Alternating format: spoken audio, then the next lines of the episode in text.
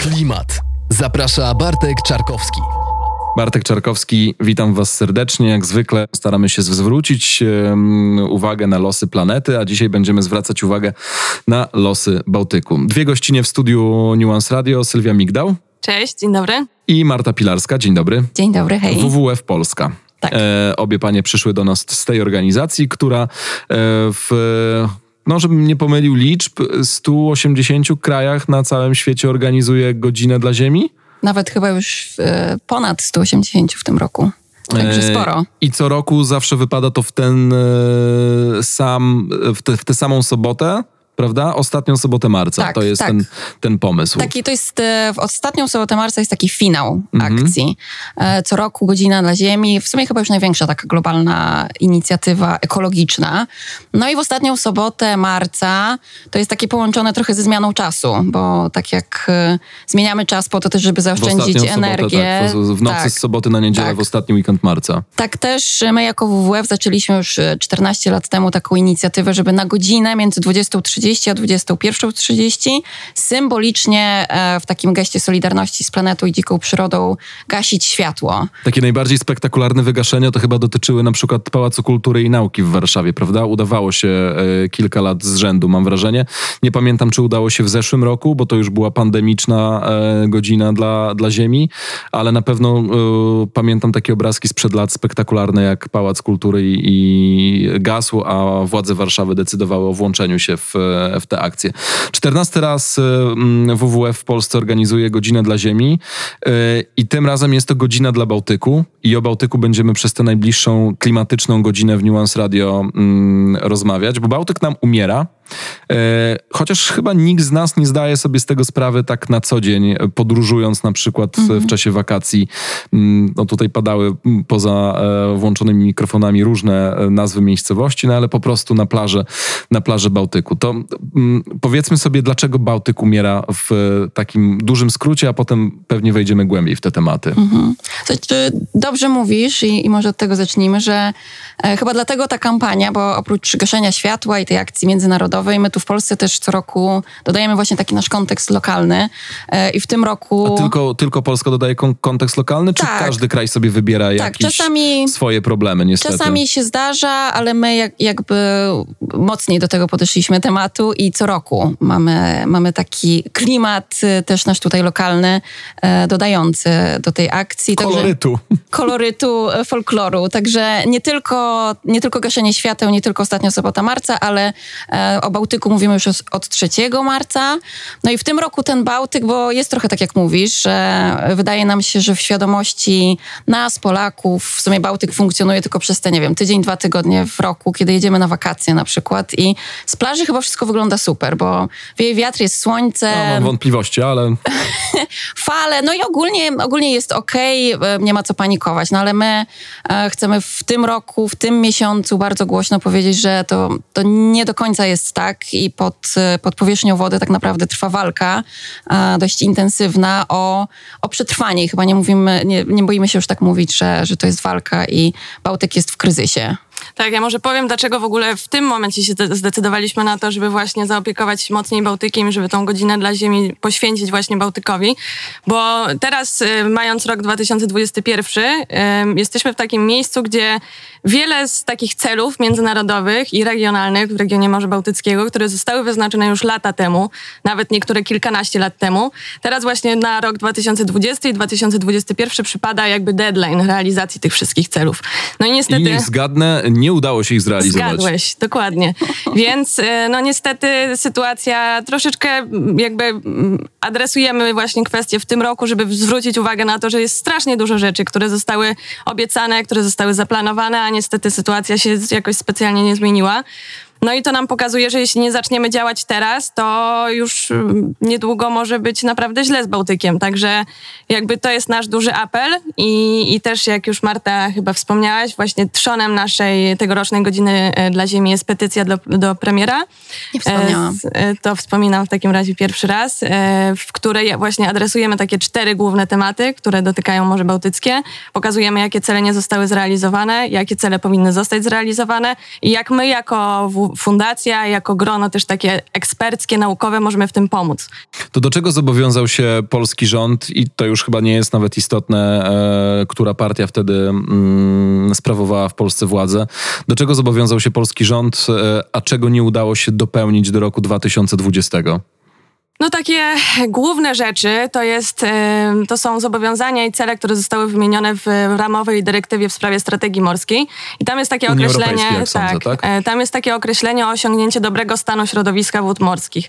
I na ten dobry stan składają się takie kwestie jak zachowanie e, łańcuchów pokarmowych, jak e, generalnie jakość wód, jak jakość dna morskiego. Takie kwestie bardzo techniczne, naukowe. No i niestety to jest, jak, jak możemy się spodziewać, bardzo wiele czynników. I też jesteśmy jakby częścią Bałtyku z innymi krajami, tak? To są wody, które nie znają tych granic międzynarodowych, więc na osiągnięcie tego celu jakby skupiała się e, praca wszystkich krajów z regionu Morza Bałtyckiego. No i niestety my wspólnie tego celu nie daliśmy rady osiągnąć. Także... Ale próbowaliśmy, czy raczej e, rządy Niemiec, Szwecji, Norwegii, Litwy, Łotwy, Estonii, Polski, no i Rosji również e, sobie po prostu odpuściły i brakowało jednego przywódcy, czy też, nie wiem, jakiejś jednej organizacji, która miałaby e, egzekwować dobicie do tych e, celów w 2020 roku. Gdzie był waszym zdaniem, jako obserwatorów niezależnych z WWF, największy problem w e, osiągnięciu tego celu klimatycznego? Myślę, że, że próbowaliśmy generalnie jako region Morza Bałtyckiego. Niektóre kraje bardziej, niektóre kraje mniej. My jesteśmy, przypuszczam, gdzieś po środku tej skali, jeśli chodzi o, o jakieś staranie i, i taką aktywność w tych działaniach. Natomiast no, no niestety to jest tak, że y, troszeczkę byliśmy zbyt bierni i przez lata było tak, że y, pojawiały się rekomendacje naukowców, na przykład dotyczące tego, że powinniśmy przestać poławiać nasze stada bałtyckie. Y, I to były rekomendacje, czyli takie zalecenia trochę bardziej miękkie, jednak wskazujące jakiś, jakiś kierunek, natomiast nie narzucające konkretnych działań. No i my skutecznie przez lata niestety te rekomendacje y, ignorowaliśmy troszeczkę. Bo one zderzały się z politycznymi e, celami, e, a mianowicie mm, rybacy to e, wyborcy. I mm, trudno było prawdopodobnie wchodzić w konflikt z nimi. Wiadomo, że generalnie chyba e, nad polskim morzem ta sytuacja połowu jest dość dramatyczna i na ostrzu noża. O, Mówię to lako- jako laik, ale wydaje mi się, że tak, e, e, tak jest, więc sądzę, że to był jeden z powodów, dla których ktoś nie próbował e, aż tak mocno ingerować w te połowy. Tak, tylko właśnie tak jak mówię, te rekomendacje, które były podawane jeszcze lata temu, to właśnie nie były takie bardzo radykalne kroki. Takie, takie jakie musimy podjąć teraz. Czyli Ale jest to wina Unii Europejskiej tak naprawdę, prawda? Że brakowało tych e, konkretów, że zostawiano dyrektywę e, wolną, a nie wymagano wprost. Ja, ja cały czas teraz pow- powtarzam przez e, te słowo dyrektywa ze mną jest przez cały miesiąc i mi się to bardzo podoba, to że to pochodzi od Tak. kierunku. I, I tak to jest, że to jest tak, e, tak jak mówimy i z jednej strony bardzo dobrze, bo zostawia nam e, przestrzeń do działania i możemy sobie wybrać, jaki zakres działań z tego zrealizujemy, ale z drugiej strony to tak naprawdę jest kierunek wskazujący, jak powinniśmy robić i jak powinniśmy działać, ale mało nas zobowiązujący do tego. No a jak widać i też z innych przykładów, no my potrzebujemy chyba czegoś, co nam zagrozi albo e, czegoś, co nas do czegoś zmusi i zobowiąże, żeby Być- faktycznie to wprowadzić. Być może to mm, trafiło na takie czasy, kiedy jeszcze mm, brakowało tej presji społecznej, zwłaszcza od młodych ludzi. Tak, ta, ta presja, którą mamy od dwóch, trzech lat, gdzie to słowo klimat rzeczywiście jest odmieniane przez klimat, jest odmieniane przez, e, przez wszystkie przypadki i trochę może to wcześniejsze działanie nie pomogło e, Bałtykowi. Mm, Co ciekawe, trafiłem na jakieś informacje e, dotyczące naszych e, północnych sąsiadów przez Bałtyk, czyli Szwedów e, i przy okazji również Norwegów, że ich działania, mm, które miały mm, na celu zmniejszenie dostawania się do e, Bałtyku właśnie na północy, czyli przy ich e, e, wybrzeżu różnych zanieczyszczeń, niestety nie przyniosły mm, większych efektów i to będzie liczone raczej w planie takim wieloletnim. I no to jest taka dość smutna, jeśli nie powiedzieć przerażająca informacja, że Skandynawowie e, próbowali pewnie silniej niż, e, niż my, czy nasi, nie wiem, wschodni sąsiedzi, a nie przyniosło to wielkich skutków. Wiecie coś na ten temat, czy to jest informacja, która wymaga zweryfikowania? nie wiem o jakich zanieczyszczeniach mówisz, o jakich zanieczy, zanieczyszczeniach mówi gdzieś- ten materiał. Zaraz sobie b- znajdę tą informację. e, Zaraz też i- opowiemy, może jeszcze nie opowiedzieliśmy, jakie to są te nasze Tak. problemy bałtyckie, a o tym też będziemy mówić, właśnie zanieczyszczenia fizyczne, e, a jakieś na przykład organiczne. Ale jeśli mówimy o północy, no to jest, jest trochę tak, że jednak te kraje północne mają dużo większą tą świadomość społe- społeczeństwa na, temat, y, na tematy takie środowiskowe, więc u nich jednak myślę, że ta sfera jest dużo bardziej rozwinięta, społeczeństwo naciska, rządy też trochę inaczej do tego podchodzą, więc może tutaj akurat znalazłeś, czy trafiłeś na jakiś taki No to jest e, dość przykry- lakoniczna informacja, że w ostatnich e, dekadach prowadzone przez e, Finlandię, powiedziałem Norwegię bezsensownie, e, przez Finlandię i Szwecję e, programy, które miały redukować zanieczyszczenia e, na ich wybrzeżach, e, nie przyniosły skutku, bo naukowcy nie zauważyli żadnych oznak odradzania się morskiego e, ekosystemu. Okej. I, i, i, i ta, do takiej informacji e, dotarłem. Klimat. Zaprasza Bartek Czarkowski. W studiu Nuance Radio Sylwia Migdał i Marta Pilarska, WWF Polska. Rozmawiamy o Bałtyku, rozmawiamy o akcji y, Godzina dla Ziemi, która w Polsce ma dodatkowy charakter, czyli godzina dla Bałtyku, dla morza, które umiera, które kochamy, ale na które nie zwracamy uwagi, poza tym, że lubimy do niego wskoczyć, wykąpać się, poleżeć na plaży i e, wykorzystać tak niecnie między czerwcem a wrześniem e, każdego roku. O to też zapytam, czy my bardzo przeszkadzamy Bałtykowi jako turyści, ale trochę później, bo teraz pogadajmy moment jeszcze o tej, e, o tej kampanii. Spot e, z um, Hubertem Urbańskim, który trochę nas straszy, ale robi to w dobrej wierze i z e, utworem Ireny Santor jest w sieci od 3 marca. Mm, Pokazujecie tam e, no Muzeum Bałtyku, prawda? Tak, tak to chyba należy, e, należy nazwać. Kto był pomysłodawcą tego, tego spotu? Wy, czy ktoś przyszedł z gotową koncepcją? E, Ktoś przyszedł do nas, e, ma- mamy taką zaprzyjaźnioną agencję, która pomogła nam wpaść na ten pomysł. My chyba chcieliśmy, szukaliśmy sposobu, żeby pokazać, przekonać i chyba trochę odwołać się do emocji. E, Czyli właśnie może to, co powiedziałeś, nie straszyć, e, tylko powiedzieć, dlaczego to dla nas będzie straszne, e, jeśli na przykład tak się stanie, że Bałtyk umrze, czy Bałtyk się zmieni nie do poznania. Agencja Sidorowicz, z którą pracujemy nad, nad tą kampanią, wpadła na pomysł i myślę słowo takie klucz naszej kampanii, czyli nostalgia. My trochę stworzyliśmy taki smutny dość scenariusz przyszłości, gdzie ten Bałtyk, jaki znamy teraz, jest już tylko w muzeum. Czyli tak naprawdę nie możemy z niego korzystać na plaży, możemy za to odwiedzić Bałtyk tylko w muzeum. Stworzyliśmy to muzeum w technologii 3D. Mm, Są tam artefakty bałtyckie, które teraz kojarzymy normalnie z plaży, czy muszle sercówki, czy morświn, czy foka, no ale też takie przedmioty, które nam się kojarzą wakacyjnie. E, Zamek z piasku, lody na patyku. No i właśnie Hubert Urbański, któremu bardzo dziękujemy za to, że, że włączył się w naszą akcję. Hubert nas oprowadza po tym muzeum i opowiada o tych rzeczach, których, e, których nie będzie i które możemy stracić. E, I tak naprawdę chyba to muzeum pokazuje e, wspomnienia, ale te wspomnienia z przeszłości i te wspomnienia z przyszłości, czyli co możemy stracić my, ale co mogą stracić nasze dzieci na przykład, które nie będą miały szansy już w ogóle takich wspomnień stworzyć. Więc e, to jest takie, takie trochę smutne, e, smutny scenariusz przyszłości e, Bałtyku, którego już po prostu nie ma. Spotu nie oglądamy dla samej jego ładności, ale on też niesie ze sobą em, ważniejsze przesłanie, czyli z jednej strony to przypomnienie, że 27 marca o 20.30, czyli w kolejną sobotę wyłączamy na godzinę światła i robimy to dla Ziemi i symbolicznie również dla Bałtyku. Ten spot namawia również do wchodzenia na stronę internetową, Dokładnie. gdzie wisi petycja e, do premiera. Mm, Wiadomo, że pe- pewnie polski rząd i polski premier mają teraz kilka ważniejszych spraw, ale w długiej perspektywie to, co wydarzy się z e, Bałtykiem, jest być może równie ważne niż e, te walki, które toczymy teraz e, z wirusem, bo za dwa lata pewnie będziemy tylko go wspominać jako smutny okres, a Bałtyk będzie Oby, umierał, tak. bardzo w to wierzę, a Bałtyk będzie umierał nadal, więc ta petycja jest bardzo potrzebna. Tutaj walczymy o jakąś konkretną liczbę podpisów. Walczymy o jak największą liczbę podpisów i tak jak mówisz dobrze, wspominasz, zbieramy cały czas podpisy e, na stronie godzinadlaziemi.pl.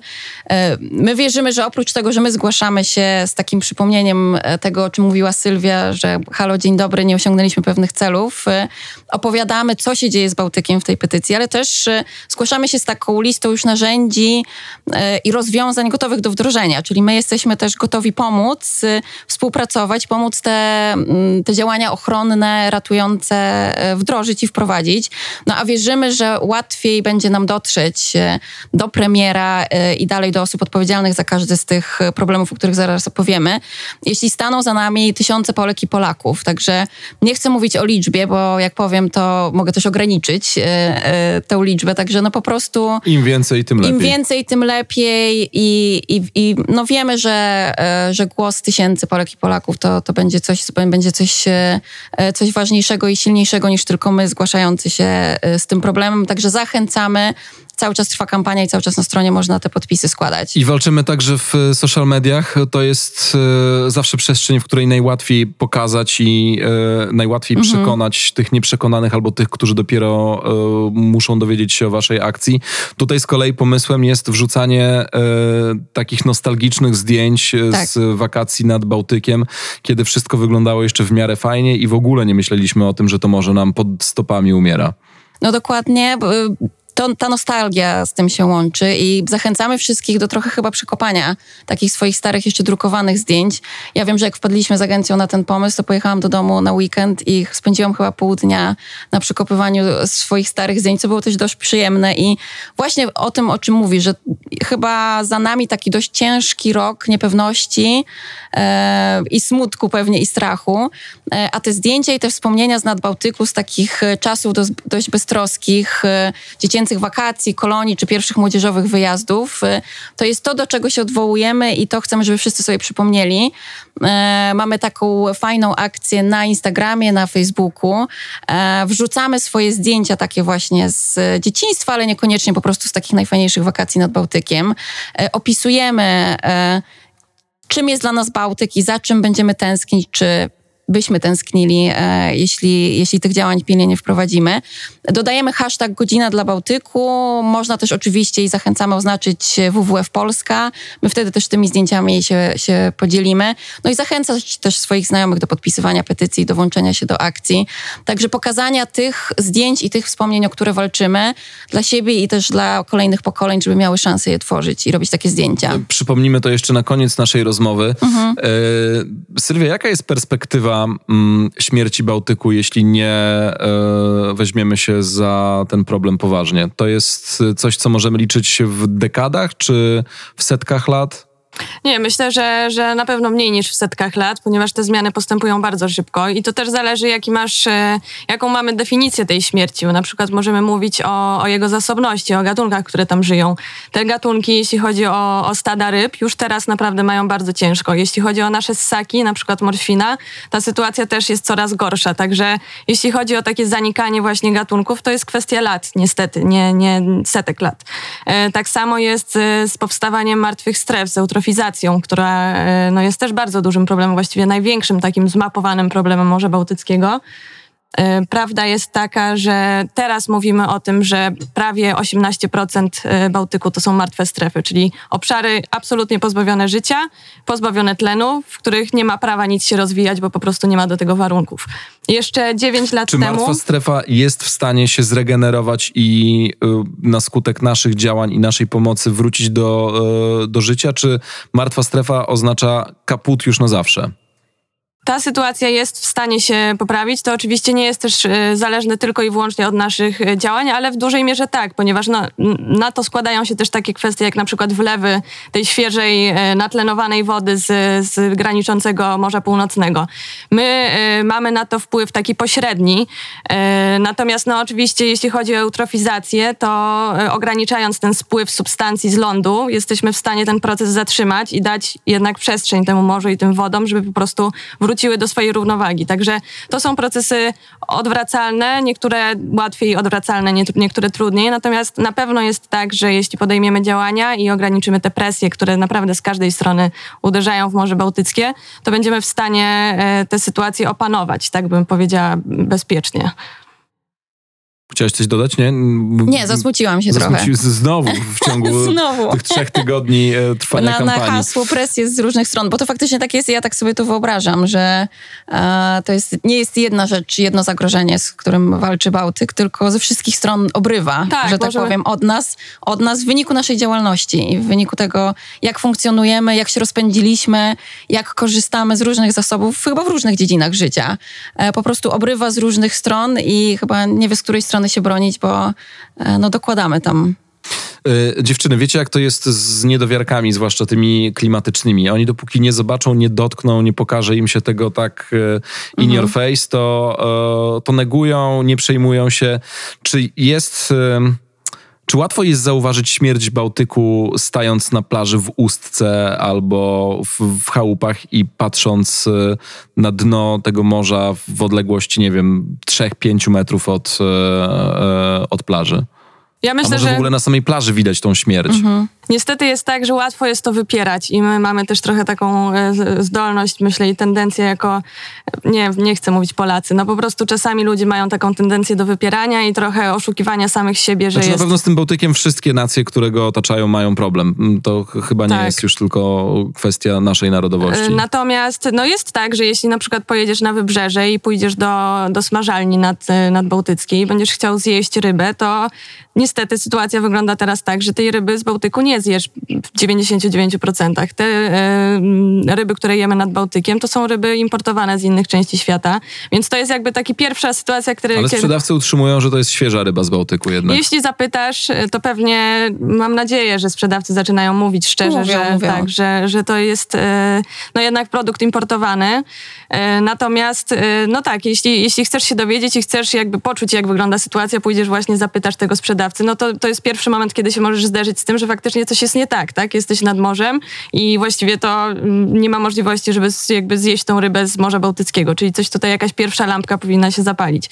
Też no, te plaże nasze są coraz bardziej zanieczyszczone. E, To widać zwłaszcza po tych falach po miesiącach turystycznych, że, że tych odpadów jest bardzo dużo. Więc myślę, że jeśli chcesz być spostrzegawczy i pojedziesz na wybrzeże, zastanowisz się nad tym, czy, czy na pewno wszystko jest ok, to jednak e, łatwo dostrzec te sygnały alarmowe, że coś się jednak dzieje No, złego. zwłaszcza jeśli to jest na przykład letni dzień Tak. i masz szczęście, że akurat właśnie jest zakaz e, zamkniętej skąpielisko ze względu Dokładnie. na zakwitanie sinic toksycznych, a gdzieś niedaleko e, ciebie na plażę wyszła foka, żeby odpocząć, a turyści rzucają w nią e, butelkami piwa, bo to jest przykład e, zeszłego roku.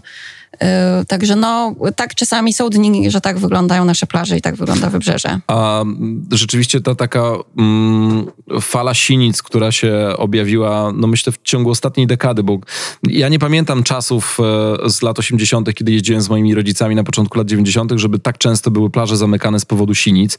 E, No tak. To jest, jak rozumiem, jeden z argumentów niestety pokazujących, że, że Bałtyk umiera. Tak, no to jest ta słynna, nasze ulubione słowo, twoje też już teraz, eutrofizacja. Mhm. E, czyli spływ, y, spływ takich odżywczych, ja to tak tłumaczę, że to jest spływ odżywczych y, substancji do Bałtyku. Substancji, które lubią sinice. Więc my troszkę y, naszą działalnością sprawiamy, że mają idealne warunki do życia. Dostarczamy im pokarmu, y, czyli te azot, mówiąc, fosfor. mówiąc odżywczych, trochę ironizujesz. E, Tak, bo my ten proces nazywamy też prze, przeżyźnieniem Bałtyku, co brzmi e, optymistycznie i pozytywnie, ale wcale tak nie jest. E, przeżyźniamy Bałtyk, dostarczamy tam zbyt dużo tych odżywczych substancji, które są pokarmem dla sinic. Do A dzieje się to dlatego, że e, wody gruntowe spływają e, z pól razem z nawozem Tak. do rzek, które spływają do e, większych rzek, które są zlewiskami e, Bałtyku. Dobrze to Dokładnie. wytłumaczyłem? Dokładnie. Dokładnie Bardzo dobrze. 99... Ta piątka z geografii kilkanaście lat temu nie była jednak przypadkowa. Chyba niemal, niemal 100% powierzchni Polski jest e, zlewiskiem Bałtyku, więc e, nawet to, co się dzieje gdzieś na południu, ma wpływ na, na kondycję Chyba Bałtyku. 100% nie, bo wydaje mi się, że e, rzeki, które płyną mm, w okolicach Tatr, na przykład Teraz to już się e, chwalisz Zakopane, to jest zlewisko już południowe. y, I to jest zlewisko Morza e, Tak, nie Śródziemnego. chciałam tak, wchodzić, trochę, a jak trochę chcesz, się chwalę, tak. jak chcesz, to to jest chwalę. 99,7 e, dziesiątych. Brawo dla mnie. Okej. To też, Ale nadal bliżej do, do 100%. Tak. To też warto powiedzieć, co się dzieje właśnie po tym, jak już te, te substancje biogenne, muszę to powiedzieć, Tak, substancje bi- biogenne z, z, jakby trafiają do Morza Bałtyckiego i sinice zakwitają, zakwitają też glony i tworzą się takie warstwy nieprzepuszczalne dla słońca, e, co później powoduje jakby szereg konsekwencji kolejnych. Pojawiają się bakterie beztlenowe, gdzieś tam ten tlen zużywają, no i w konsekwencji... Głupie pytanie, ale czy ryby umierają wtedy, kiedy nie mają dostępu e, do słońca w, wodzie? Czy to nie ma żadnego związku? Nie, jakby z, z, Z biologii akurat byłem, więc e, Ma związek, ale to bardziej z tym, że one po prostu zmienią miejsce. I nie będzie już ich tam, gdzie wcześniej były, nie będzie ich tam, gdzie wcześniej łowiliśmy. E, Nie mają e, przestrzeni, żeby na przykład się rozmnażać, bo dorsze, o dorszach często mówimy, bo ten nasz, nasze wschodnie stado obecnie jest w tak krytycznym stanie. Nasze, mówię dlatego, że my na nim polegamy, nasi rybacy. E, Od dwóch lat, drugi rok z rzędu obowiązuje zakaz połowu. Całkowity. Całkowity. Nawet Celowy. nie tam ileś kilometrów od brzegu, prawda? Bo często są też takie dyskusje, że Unia Europejska zamyka te łowiska, ale tam, nie wiem, do 15 czy 10 kilometrów od brzegu rybacy mogą wypływać i łowić. Rozumiem, że tutaj w wypadku dorszy nie ma żadnych e, e, uwolnień. Te nawet stado, te stado Mhm. akurat jest, jest już w tak e, krytycznym stanie, że, że obowiązuje taki zakaz celowych. E, Oczywiście zdarza się niestety przyłów, czyli przy okazji innych połowów e, gdzieś ten dorsz się złapie, ale to, to nie są celowe połowy. To stado akurat jest w takiej kondycji, że nie ma znaczenia, gdzie, gdzie ich nie łowimy. No i dorsz na przykład się rozmnaża przy, przy dnie, więc możemy sobie wyobrazić, że skoro przy dnie jest coraz więcej takich beztlenowych, martwych stref, to e, z jednej po strony prostu. poławiamy, z drugiej strony zamykamy mu przestrzeń do rozmnażania się. No i jakby to te, te ciosy z różnych stron właśnie. Klimat. Zaprasza Bartek Czarkowski. Jest jakieś takie zagrożenie, że w ogóle też plaże znikną wraz z rozwojem tej negatywnej sytuacji na Bałtyku? No na pewno ma to związek z, ze zmianą klimatu generalnie, czyli też po, po, podwyższaniem się poziomu wód. Jest coraz cieplej, coraz mniej jest tej pokrywy lodowej, która też poza tym, że jakby no jak się roztapia, to woda się, poziom wody się zwiększa, ale też ta pokrywa lodowa jest potrzebna wielu gatunkom, gatunkom na przykład do rozmnażania się też w Bałtyku, niektórym gatunkom e, fok. Także no tak, wracając do twojego pytania, jeśli się będzie podwyższać poziom wód, no to po prostu plaże zostają, e, zostaną zagarnięte, więc to też jest jakby nat- naturalna e, Kolej rzeczy. Kolej rzeczy, no nie chciałam tak mówić, ale tak, taki jest scenariusz, powiedzmy sobie. No oprócz tego, no to to jest takich bardzo mm, kwestii przyziemnych możemy się też y, jakby sami sobie pozbywać się tych plaż, na przykład zanieczyszczając je, wchodząc na wydmy, niszcząc te takie naturalne tereny, które są cenne pod kątem środowiskowym. Ileż kłótni w moim życiu było z ludźmi, którzy niszczyli wydmy w ciągu ostatnich trzech lat, jak wylądowałem nad Bałtykiem. Zawsze wstaję z koca i jestem gotowy do, no niemalże bitki. Słusznie. Nie wiem, Su- czy super, takich- takich ludzi potrzebujemy. przyznawać, Czy chciałbyś ale zostać wolontariuszem Błękitnego Patrolu WWF? bardzo chętnie. Bardzo chętnie. Między 23 a północą. E, Wtedy jestem w stanie znaleźć e, wolne, wolne okienko. Nie, bardzo bym chciał dziewczyny i też po to jest ta audycja, żebym e, trafiała do osób, które może zostaną przez nasze rozmowy zainspirowane, więc o tym też będziecie jeszcze mogły powiedzieć na, mm, na koniec, ale zostały nam z tych opowieści o czterech fazach śmierci Bałtyku, tak to, e, tak to nazwę górnolotnie, jeszcze mm, dwa powody i chciałbym, żeby one też się pojawiły na antenie. Tak, kolejne dwa, dwie kwestie, które są Podobno konik zaadresowane. Sylwii. Konik mój, e, konik mój, który też jest zaadresowany w, w petycji, to są odpady morskie, a w szczególności najbardziej śmiercionośna forma odpadów morskich, czyli sieci widma. To są sieci, które z różnych przyczyn trafiły do morza. To, są, to mogą być porzucone sieci rybackie, mogą być zagubione sieci rybackie, mogą być sieci, które na przykład zerwały się na wrakach, których jest bardzo dużo w, w morzu naszym albo z zupełnie różnych losowych przyczyn tam trafiły. No i niestety jest tak, że te sieci po zagubieniu po prostu robią to, do czego zostały stworzone, czyli łowią dalej. łowią w sposób absolutnie jakby nieselektywny, niekontrolowany. Y, mogą przyławiać ryby, mogą niestety też przyławiać ssaki morskie. No i to jest bardzo, mm, bardzo smutna sytuacja, bardzo drastyczna sytuacja. Możemy sobie wyobrazić, że na przykład morświn, którego już i tak jest bardzo mało w Bałtyku i który ma się bardzo źle, takiej sieci po prostu bardzo często nie jest w stanie zobaczyć. To są takie cienkie sieci zbudowane z cienkich włókien, a morświn w, w przestrzeni się porusza na podstawie echolokacji, czyli wysyła dźwięki i te dźwięki do niego wracają. No i niestety te sieci są zbyt cienkie, żeby te dźwięki wróciły, więc on po prostu takich sieci nie widzi. No zaplątuje się w nie zaplątuje i jak rozumiem się w nie. umiera po prostu z, z głodu, bo się nie, nie jest w stanie tak. wydostać, tak, nie rusza się. Tak, e, no nie jest w stanie też wypłynąć na powierzchnię, żeby zaczerpnąć e, powietrza i, i po prostu ginie. To mhm. jest, e, to jest no, ogromne zagrożenie dla, dla morświna, ale też dla ryb. Te ryby e, po prostu się przyławiają i ten schemat, dla mnie ten cykl działania takich sieci jest tragiczny, bo w momencie, kiedy taka sieć stoi w wodzie, złapie się w, nie, e, w nią, złapią się w nie ryby, no to ona pod wpływem tego ciężaru idzie na dno. Niestety ryby umierają, rozkładają się i po jakimś czasie znikają i e, sieć po prostu wraca do, do, do góry i znowu zaczyna łowić. Także to jest taki cykl, który się powtarza, powtarza. A czy właśnie jednym z pomysłów e, było wyławianie tych sieci tak. i mm, kraje członkowskie były zobligowane do tego, żeby usuwać i rozumiem, że to jest też cholernie trudne zadanie, tak? tak? Zlokalizować sieci i wyławiać je z morza. I utylizować. E, tak, e, cieszę się, że zapytałeś o to lokalizowanie i wyławianie, bo to było, była duża część mojej pracy przez ostatnie lata, właśnie, żeby znaleźć jakiś sposób na to, jak, jak lokalizować te sieci i faktycznie je efektywnie wyłowić. A to wyławianie, no to też trzeba było jakby wziąć pod uwagę wiele czynników takich, żeby nie szkodzić środowisku, żeby to robić tak bardzo mało inwazyjnie, żeby też na przykład nie rozwalać wraków, które też są częste w Bałtyku, tak jak mówiłam.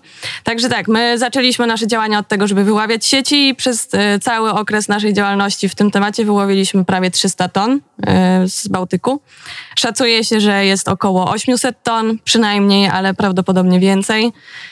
No i w pewnym momencie, jak już e, wyłowiliśmy tą dużą część, to uznaliśmy, że jednak e, tutaj też trzeba postawić na takie działania prewencyjne i generalnie systemowe podejście i, i też zastanowić się nad tym, co dalej z tymi sieciami można robić, bo okazało się, że niestety bardzo trudno jest je włączyć do gospodarki odpadami na lądzie, a właściwie w porcie, jeśli nawet rybak przypadkowo taką sieć wyłowi, no to nie ma co z tymi sieciami zrobić. Nie ma miejsc do odbioru, e, nie może ich oddać do, do portu. Więc no to jest już taki odpad niebezpieczny. Nie, odpad niebezpieczny, tak. Spędził w wodzie trochę wody, bo zanieczyszczenia organiczne, nieorganiczne, to już no, nie możemy po prostu tego wyrzucić do, do tak. kosza. Rybacy to wiedzą, więc e, też fajnie by było trochę im w tym pomóc, e, stworzyć taki system odbioru tych sieci w portach, żeby też no, łatwiej było, ok, sieć biorę, bo nie mam z tym problemu. No jak to się staje później problemem i na koszt rybaka miałoby być e, na przykład przeprowadzana utylizacja, to też jakaś kolejna przeszkoda, żeby sobie radzić z tym problemem. A czy wy prowadzicie e, wśród rybaków e, Morza Bałtyckiego mm, i nie myślę tutaj tylko polskiej, e, polskim WWF-ie, ale też e, mm, pozostałych jednostkach, jakieś takie akcje informacyjne i próbujecie im tłumaczyć, że w sumie mm, walczycie w jednej sprawie słusznej, w jednym celu i oni powinni wam pomagać? Tak. I Tego to, nawet nie trzeba tłumaczyć. Nie chyba. trzeba tłumaczyć. I na, na, przykład o problemie sieciowym dowiedzieliśmy się od rybaków. To oni na okrągłym stole 11 lat temu powiedzieli, że słuchajcie, jest taki problem i potrzebujemy pomocy, bo dla nas to też jest zagrożenie, dla rybaków. To, te sieci się wplątują w, w jednostki pływające, wkręcają się w śruby jakby zróbmy coś z tym razem i faktycznie od 10 lat działamy razem z rybakami, także jest takich wiele obszarów, w których ta współpraca jest naprawdę świetna i ja bardzo wiele też się nauczyłam od rybaków i, i wymieniamy się swoimi mhm. jakby narzędziami też po prostu, bo każdy ma inną rolę w tym procesie. No nie ma się też, co, bo już pojawili się rybacy wcześniej, nie ma się co dziwić, że dla nich, e, nie wiem, na przykład zakaz połowu, no to jest kwestia tak. przetrwania.